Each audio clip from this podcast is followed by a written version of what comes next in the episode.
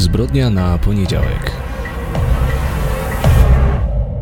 Czyta Wojciech Chmielarz. Witam Państwa, tutaj Wojtek Chmielarz i zapraszam Państwa do wysłuchania kolejnego odcinka podcastu Zbrodnia na poniedziałek. W tym odcinku zabiorę Państwa do Republiki Południowej Afryki i opowiem Państwu o sprawie dosyć świeżej, o sprawie pewnej seryjnej morderczyni, więc to jest już taka pierwsza rzecz, która mi się wydaje ciekawa, bo kobiet, które są seryjnymi mordercami, no jednak znamy niewiele, a dlaczego tak jest, o tym sobie też troszeczkę potem poopowiadamy. I do tego ona brała na cel swoich najbliższych. Dlaczego, jakie były jej motywy, kim była, e, jak to się wszystko skończyło, o tym Państwu opowiem już za chwilę, no ale na początek e, kilka rzeczy porządkowych i też kącik literacki.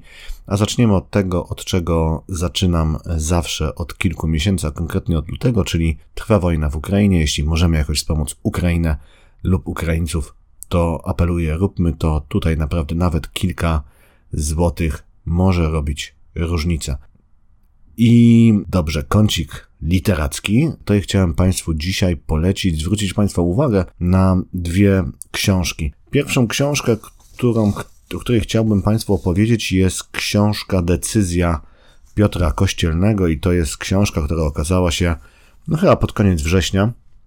Jest to kryminał, który na temat bierze, no, przemoc domową. E, i pokazuje jej e, no, taką brudną, paskudną twarz. Jest to książka bardzo mocna, bardzo brutalna, bardzo plastyczna, więc tutaj, tak jak ją polecam, to też ostrzegam, że ona niekoniecznie jest dla wszystkich, że tutaj trzeba mieć mocne nerwy i być przygotowanym, że y, autor nas nie oszczędza. To, co mi się tutaj podobało i na co bym chciał zwrócić Państwa uwagę, Piotr Kościelny jest prywatnym detektywem.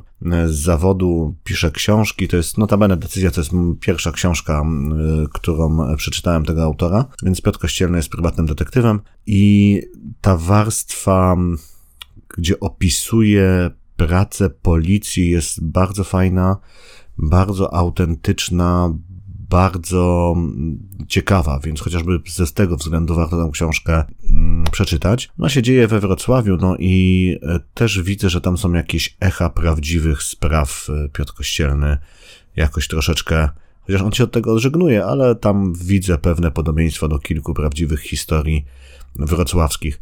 Więc decyzja Piotra Kościelnego naprawdę warto na ten kryminał, na ten thriller zwrócić e, uwagę podejmuje ważną społeczną kwestię, e, robi to w ciekawy sposób.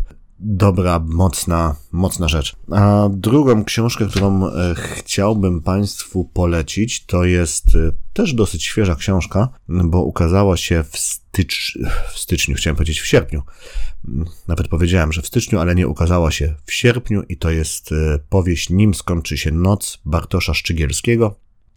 No i Bartosz Szczygielski, powiem szczerze, od pewnego czasu jest jednym z moich ulubionych autorów kryminałów, e, przynajmniej e, polskich.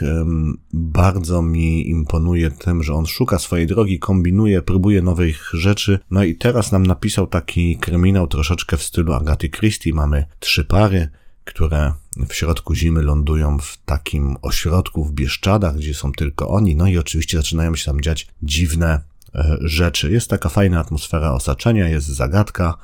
E, są niespodziewani goście, są dziwne wydarzenia. No i jest ten fajny portret tych trzech par, z których każda przeżywa jakiś kryzys, każda się zmaga z jakimiś problemami, e, każda z nich ma nadzieję, że ten wyjazd w Bieszczady pomoże te problemy przezwyciężyć. No i jak możecie się Państwo spodziewać, nie do końca tak się wydarzy. Natomiast bardzo jest to fajnie przemyślane, bardzo fajnie napisane, bardzo fajnie wymyślone, więc ja w swojej recenzji na Facebooku, że nim skończy się noc, prawdopodobnie wyląduje w moim top 5 e, najlepszych kryminałów, jakie przeczytałem w tym roku i pewnie, pewnie tak będzie. E, więc bardzo Państwu polecam. Nim skończy się noc, Bartosz Szczygierski. A w tym momencie przechodzimy już do tego, co Państwo lubią najbardziej, czyli do naszej dzisiejszej kryminalnej sprawy. Kobieta czekała przed jednym ze szpitali w Johannesburgu. Była tam na leczeniu, ale udało się jej wywalczyć przepustkę. Potem się okazało, że do lekarza zgłosiła się tylko po to, żeby mieć stuprocentowe alibi.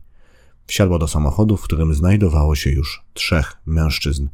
Ruszyli w stronę Bushbuck Ridge. Po drodze zatrzymali się na stacji benzynowej, gdzie, kupi, gdzie kobieta kupiła dwa litry benzyny w butelce po fancie. W trakcie jazdy kobieta zaczęła tłumaczyć mężczyznom, co mają dokładnie zrobić. Wyjaśniła, że mają wejść do domu, że w nocy jedno z okien tego domu będzie otwarte, przez nie wejdą do środka. W środku będzie spała kobieta, ale nie powinna się obudzić, ponieważ, jak to określiła kobieta, śpi jak kłoda. Mężczyźni mają następnie rozlać benzynę i podpalić dom. Kiedy dom płonie, to mógł być były chłopak, który go podpalił. Pożar może być spowodowany czymkolwiek, spięciem elektrycznym. Nikt za bardzo nie sprawdza podpaleń. Co innego, kiedy dochodzi do użycia noża lub broni. Te sprawy są badane. Zakładają, że używając właśnie noża lub broni, chce się zamordować daną osobę i cały plan spada na panewce. Firmy ubezpieczeniowe nie chcą wypłacić nic z polisy tłumaczyła kobieta podczas drogi do Bushbuck Ridge. Czyli polisy są wykupione także na dzieci, dopytywał się zatrudniony przez nią zabójca. Nie, nie zapłacą za dzieci, tylko za nią, ale nie możemy ich zostawić, bo one też będą w tym domu. Sam rozumiesz, ocalenie ich oznacza, że zostawiamy przy życiu świadków. Dlatego, kiedy płonie dom, wszyscy w środku też muszą zginąć, wyjaśniła kobieta. Wszystko, co jest w domu. Tak. Nikt nie będzie wiedział, czy to były chłopak, świeczka, a może coś wybuchło w domu. A może paliła coś, co dostała od uzdrowicieli. Rozumiesz? Kobieta zleciła podpalenie domu, w którym mieszkała jej siostra i jej pięcioro dzieci. Po ich śmierci miała dostać pieniądze z polisy, którą zawarła na wypadek śmierci siostry. Po wszystkim miała się podzielić tymi pieniędzmi z trzema mężczyznami, których zatrudniła do wykonania zadania. Kobieta nazywała się Nomia Rosemary Nedlowu i była policjantką. Nedlowu urodziła się w 1978 roku w mieście Tembisa. Osiedle powstało w latach 50., kiedy rządzący Republiką Południowej Afryki Afrykanerzy zaczęli wprowadzać politykę apartheidu. Oznaczało to wysiedlenia czarnej ludności z terenów, które miały być zamieszkane wyłącznie przez białą ludność. Czarni trafili do takich miast jak Tembisa, właśnie. Obecnie mieszka w nim prawie pół miliona ludzi. Endlowu wstąpiła do lokalnej policji. Dosłużyła się stopnia sierżanta. Koledzy z pracy wspominają ją jako miłą i hojną osobę. Często zabierała ich z posterunku na lunch, za który ona płaciła i nie oczekiwała niczego w zamian. Potrafiła też pomagać im w kłopotach finansowych. Kiedy jednak sama była spłukana, nieustannie narzekała. Kiedy tylko przekraczała próg posterunku, od razu wszystkich informowała, w jak kiepskiej sytuacji finansowej się znajduje. Endlowu potrafiła także przez kilka dni z rzędu nie pokazywać się w pracy. Czasami posterunek odwiedzali jej wściekli wierzyciele, groźni i znani policji lichwiarze. Wreszcie jej koledzy przypomnieli sobie, że widywali ją także w kasynach. Endlowu potrzebowała pieniędzy, żeby spłacić swoje długi. Dlatego postanowiła założyć polisę ubezpieczeniową na swoją siostrę Joyce, a potem ją zabić. Do tego celu zatrudniła niejakiego Niabolu Kunena. Znali się, ponieważ kobieta zatrzymała go kilka lat wcześniej pod zarzutem nielegalnego posiadania broni. Później Endlowu zaprzyjaźniła się z kobietą o imieniu Cebesile, która okazała się być kuzynką Niabulu Kununena. Tych dwoje spotkało się przypadkiem na pewnej imprezie w grudniu 2017 roku i od tego czasu kobieta nieustannie namawiała Kununena, żeby pomógł jej zamordować jej bliskich. Mężczyzna tego nie zrobił. Wolał pójść na policję. Funkcjonariusze przygotowali tajną operację. W dniu, kiedy miało dojść do podpalenia domu, do samochodu wraz z Nodlowu wsiadło trzech mężczyzn – Pierwszym był Niabulu, drugim jego przyjaciel, a trzecim funkcjonariusz policji, który nagrywał całą rozmowę. Kiedy dotarli na miejsce ataku, kobieta została natychmiast aresztowana. Sprawę Nomi Nodlowu prowadziło dwóch policjantów. Pierwszym był porucznik Nitipe Boloka, jej szef z posterunków w Tembisi. Drugim sierżant Kessi Mabunda. Zaczęli się przyglądać historii życia policjantki i odkryli tam zdumiewające fakty. Jednemu ze swoich kolegów opowiadała na przykład o swoim pierwszym mężu, który został zabity, a potem o kolejnym partnerze, którego również określiła mianem męża i który również został zabity. Teraz widzę, jakie to dziwne, że straciła obu mężów i obaj zostali zamordowani, powiedział w anonimowym wywiadzie funkcjonariusz. Ostatecznie udowodniono jej, że zabiła lub zleciła zabójstwo sześciu osób ze swojego najbliższego otoczenia. Byli to Witness Madala Homu, jej kuzyn, który został zamordowany w 2012 roku, kiedy wracał z pracy do domu.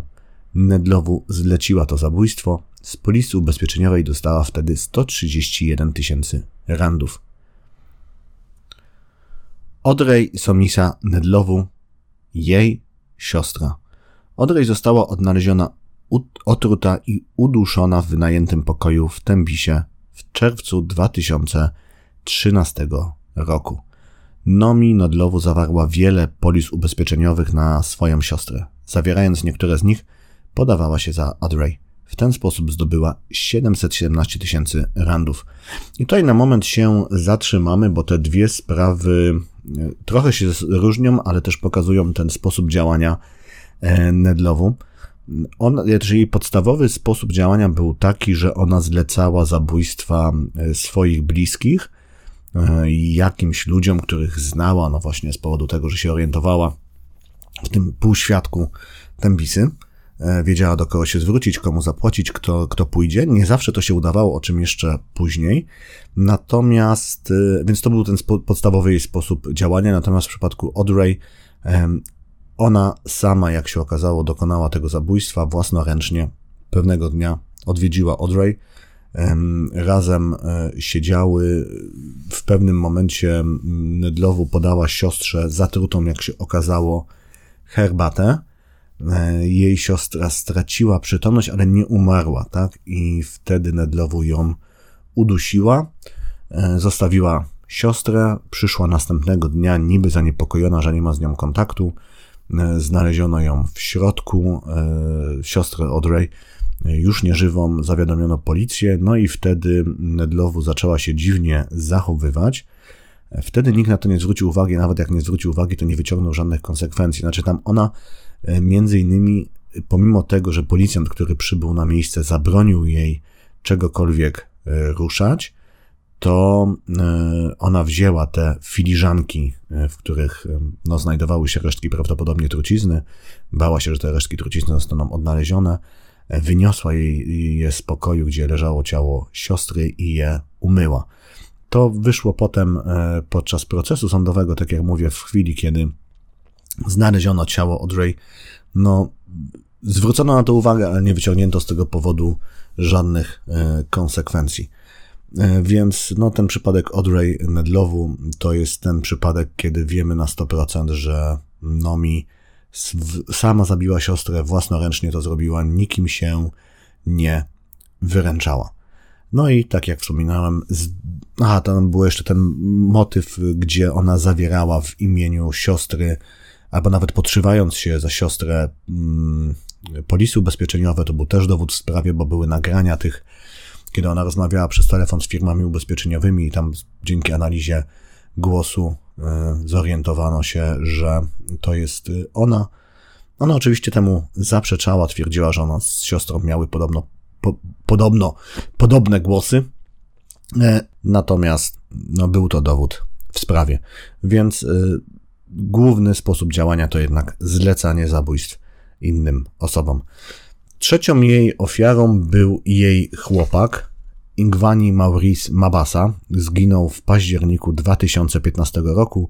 Został dźgnięty ostrym przedmiotem, uwaga, ponad 80 razy. Na jego ciało porzucono niedaleko posterunku policji w, I tutaj powiem szczerze, przez chwilę siłowałem się, żeby wypowiedzieć nazwę tej miejscowości, ale mi się nie udało i z tego zrezygnuję, żeby Państwa tym nie męczyć. Co tutaj się wydarzyło? Y, znaczy, Maurice Mobasa, tak jak mówiłem, był jej chłopakiem, był partnerem, oni mieli wspólnie dziecko. Y, o tym dziecku sobie jeszcze, o ich córeczce sobie jeszcze na koniec opowiemy. Tam podobno ona próbowała zabić Maurice, Maurisa trzy razy, dopiero za trzecim razem się udało. I tutaj też trzeba powiedzieć, że ona wynajęła mężczyznę, który poddawał się za Mabasę i chodził do biur firm ubezpieczeniowych, no i, e, i zawierał te polisy. Sama podawała się za jego małżonkę, chociaż nie była jego małżonką w sensie prawnym. No i zdobyła w ten sposób 416 tysięcy randów. Był to też jeden z niewielu przypadków, kiedy faktycznie partycypowała w kosztach pogrzebu i wyłożyła na niego 40 tysięcy randów. No i dlaczego to jest ważne, że akurat w tym przypadku partycypowała w kosztach pogrzebu? No bo taką jej linią obrony było to, że ona co prawda zawierała te polisy ubezpieczeniowe, ale zawierała je na wypadek, gdyby jej bliscy zmarli, żeby mogła e, wyprawić im godny pogrzeb. E, I w większości przypadków e, w ogóle w tych kosztach pogrzebu nie partycypowała, nie dokładała się. To akurat był wyjątek. Dobrze, kolejną jej ofiarą była jej siostrzenica Zanelmofa, która zmarła po tym, jak została zaatakowana w czerwcu 2016 roku. Dwa dni przed śmiercią została przyjęta do szpitala po tym, jak została, jak sama twierdziła, potrącona przez rower. Miała tylko kilka siniaków i zadrapań, ale potem trafiła do drugiego szpitala i tam zdiagnozowano, że ma połamane żebra i pękniętą wątrobę. Z polisy siostrzenicy Nedlowu dostała 120 tysięcy randów. Kolejną ofiarą był jej siostrzeniec Majeni Maszaba i to był brat Zaneli Mofa. On zginął w kwietniu 2017 roku, tego samego dnia, kiedy miał się spotkać z Nedlowu. No i dane z telefonów komórkowych pokazują, że znajdowali się w tym samym miejscu. Nedlowu zawarła polisy ubezpieczeniowe w jego imieniu, ale z jakichś tam powodów formalnych nie otrzymała żadnego odszkodowania. No i wreszcie jej ostatnią ofiarą był jej siostrzeniec, Brilliant Maszego, syn Audrey, czyli syn jej siostry, yy, którą Nadlowu pozbawiła kilka lat wcześniej. No i Brilliant został zabity w styczniu 2018 roku i to było tak, że wcześniej Nedlowu się z nim skontaktowała, obiecała mu, że weźmie go pod swoje skrzydła, pomoże znaleźć pracę, mówiła też, że ma dla niego jakieś pieniądze, które zostawiła mu matka. Zawarła polisy w jego imieniu, ale ponieważ skłamała, że właśnie jest jego matką, nie otrzymała żadnego odszkodowania po jego śmierci.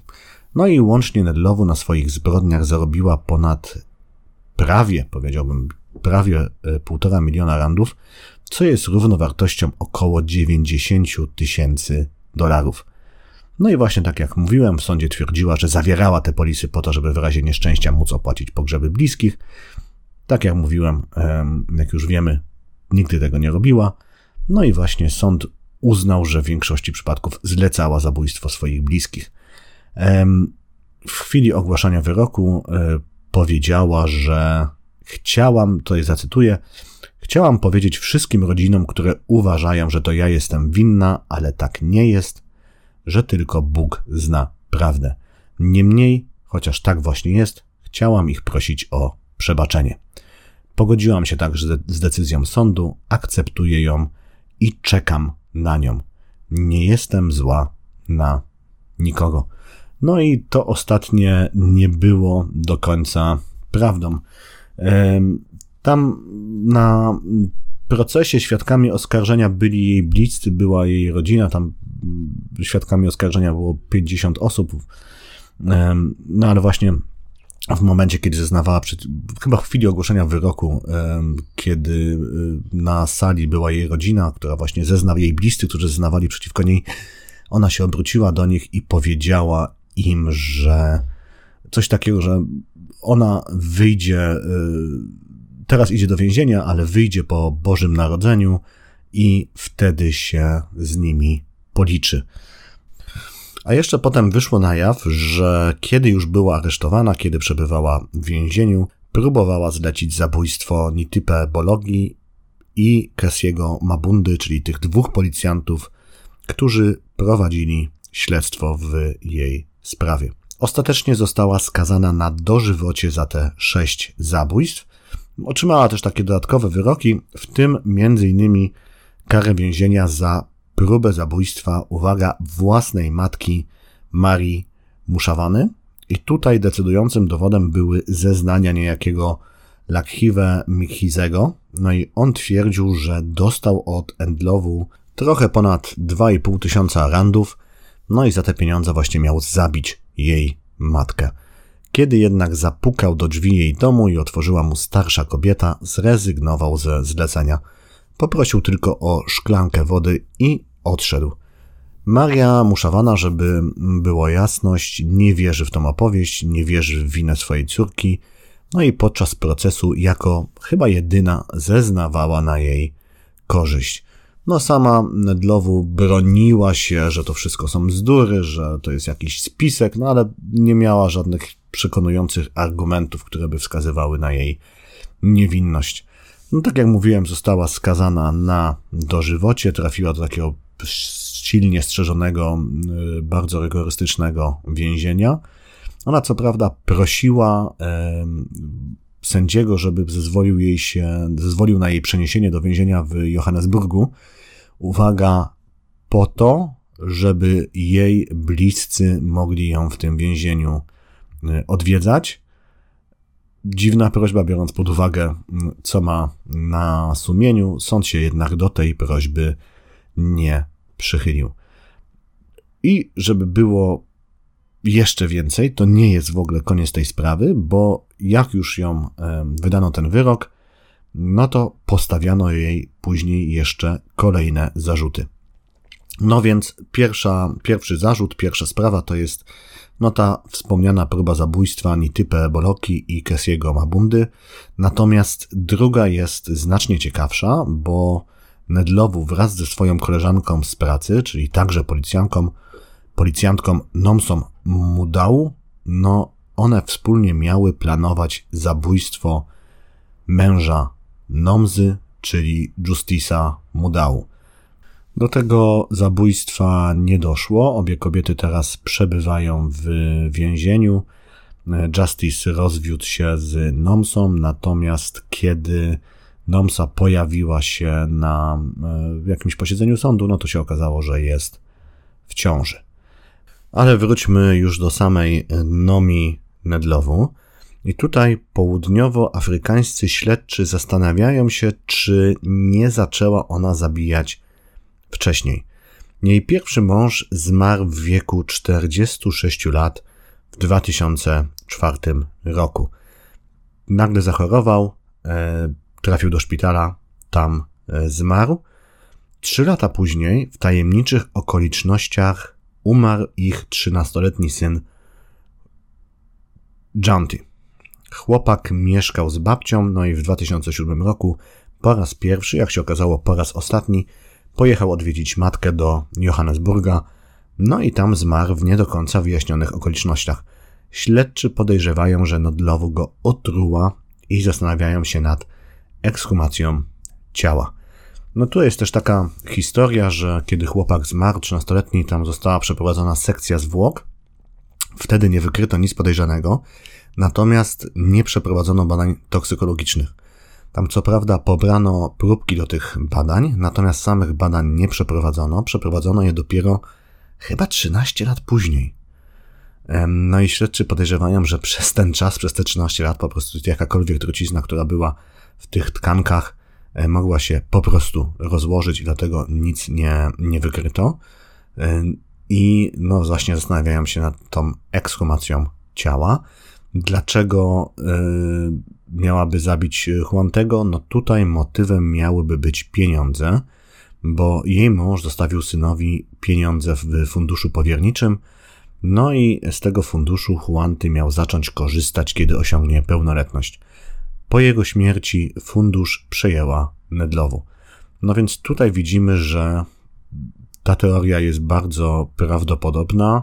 Ona się jakby zgadza z jej e, sposobem postępowania, z tym, jakimi się motywacjami kierowała, jak postępowała, e, czy tak faktycznie się wydarzyło, czy otruła własnego syna. Nie wiem. E, ta informacja o tym, że zastanawiają się nad ekshumacją ciała chłopaka jest sprzed roku. równo prawie sprzed roku, bo z listopada 2021 roku. Natomiast nie znalazłem żadnych, mm, żadnego ciągu dalszego tej historii, więc nie wiem, czy do tej ekshumacji doszło. No i wreszcie e, ostatnia potencjalna e, ofiara jest nią zmarła w 2017 roku Makhani. No i Makhani była córką Nodlowu i Maurisa Mambasy, czyli tego jej chłopaka, którego e, zabiła w 2015 roku, którego zabicie zleciła. E, I uwaga, dziewczynka w chwili śmierci miała zaledwie dwa lata. No, jest to sprawa bardzo niepokojąca, wręcz niewiarygodna. Jedna chyba z najciekawszych, na którą trafiłem. Mamy tutaj do czynienia z seryjną zabójczynią, z psychopatką, która postępowała do tego z wyjątkowo takich niskich pobudek, no i która brała na cel swoich bliskich, no i przez długi czas uchodziło jej to na sucho i pewnie uchodziłoby dalej, gdyby nie wybrała do tego, żeby zabić własną siostrę człowieka, który zdecydował się jednak pójść i opowiedzieć wszystko policji. Dlaczego jej to uchodziło za na sucho, tutaj nie będę spekulował. Na pewno jakąś tam rolę odgrywało to, że była policjantką.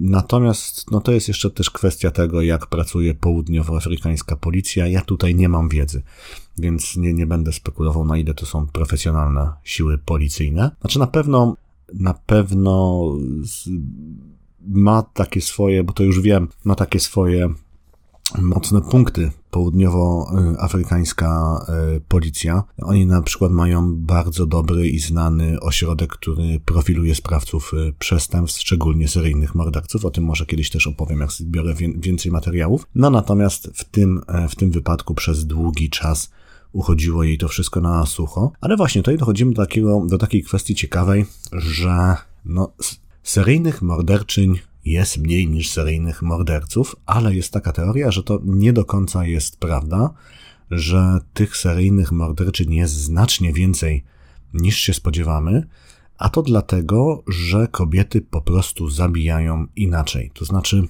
i cała wiedza, jaką mamy na temat seryjnych morderców, wszystkie teorie, które powstały, właściwie opierają się na badaniu mężczyzn i tego, jak zabijają mężczyzn, mężczyźni, z jakich pobudek zabijają mężczyźni.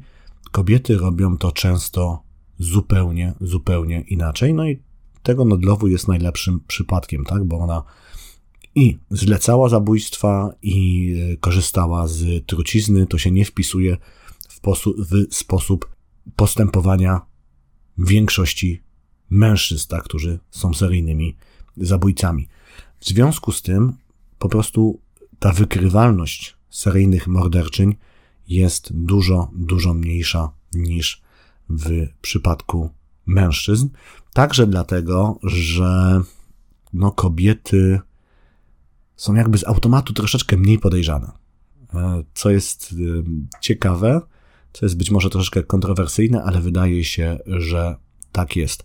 Więc być może to jest też powód, dla którego Nodlowu tak długo pozostawała bezkarna. Co możemy jeszcze o Nodlowu mm, powiedzieć? No, trochę czytałem o tym, jak ona zachowywała się na sali sądowej i widziałem jej zdjęcia, gdzie podczas procesu wydawała się być bardzo z siebie e, zadowolona, nie wykazała, nie wykazywała żadnych wyrzutów sumienia. Zresztą te jej słowa, które cytowałem na sali sądowej, kiedy ona mówi, że co prawda nikogo nie, mm, nie, e, nie, nie zabiła, że jest niewinna, ale e, i tak chciała prosić o przebaczenie rodziny, no, są dziwne, tak? Bo ona na jednym wydechu prosi o przebaczenie i mówi, że jest niewinna. Ciekawe. No, na tej sali sądowej zachowywała się dziwnie. Też widziałem te, to nagranie z samochodu, kiedy ona mówiła temu policjantowi, że ma zabić e, jej siostrę i tą piątkę dzieci. No i było to oglądanie tego, oglądanie jej, jak wypowiada te słowa, no było to mocne doświadczenie, bo Ona mówiła to zupełnie chłodno, bez żadnego wahania. Starała się przekonać tego mężczyznę, że nic mu nie grozi, że policja nie będzie się tym podpaleniem zajmować, ale w ogóle sam fakt, że każe zabić piątkę dzieci, w ogóle mówiła to bez żadnego wahania, bez żadnego namysłu, jakby to było coś, co się robi codziennie, jak kupienie, nie wiem, kartonu mleka czy, czy pieczywa. Nie, niewiarygodne doświadczenie, jakby była totalnie wypruta ze wszystkich, e, ze wszystkich emocji. Dobrze, to była dzisiejsza zbrodnia na poniedziałek. Bardzo dziękuję Państwu za poświęcony mi czas. W przyszłym tygodniu pojedziemy, zabiorę Państwa do Europy, a konkretnie do Chorwacji. Tam też znalazłem kilka interesujących spraw. Oczywiście opowiem o jednej. No i znowu kusi mnie, żeby coś Państwu zdradzić, ale nie mogę tego zrobić. W każdym razie będzie, będzie, mam nadzieję, interesująco. Dobrze, e, z mojej strony, jeśli Państwu podobał się ten podcast, jeśli podoba się Państwu to, co robię, proszę subskrybujcie, dzielcie się tym podcastem, oceniajcie, komentujcie. To wszystko, e, za to wszystko będę bardzo Państwu wdzięczny. No i raz jeszcze dziękuję, to była Zbrodnia na Poniedziałek. Wojciech Miarz.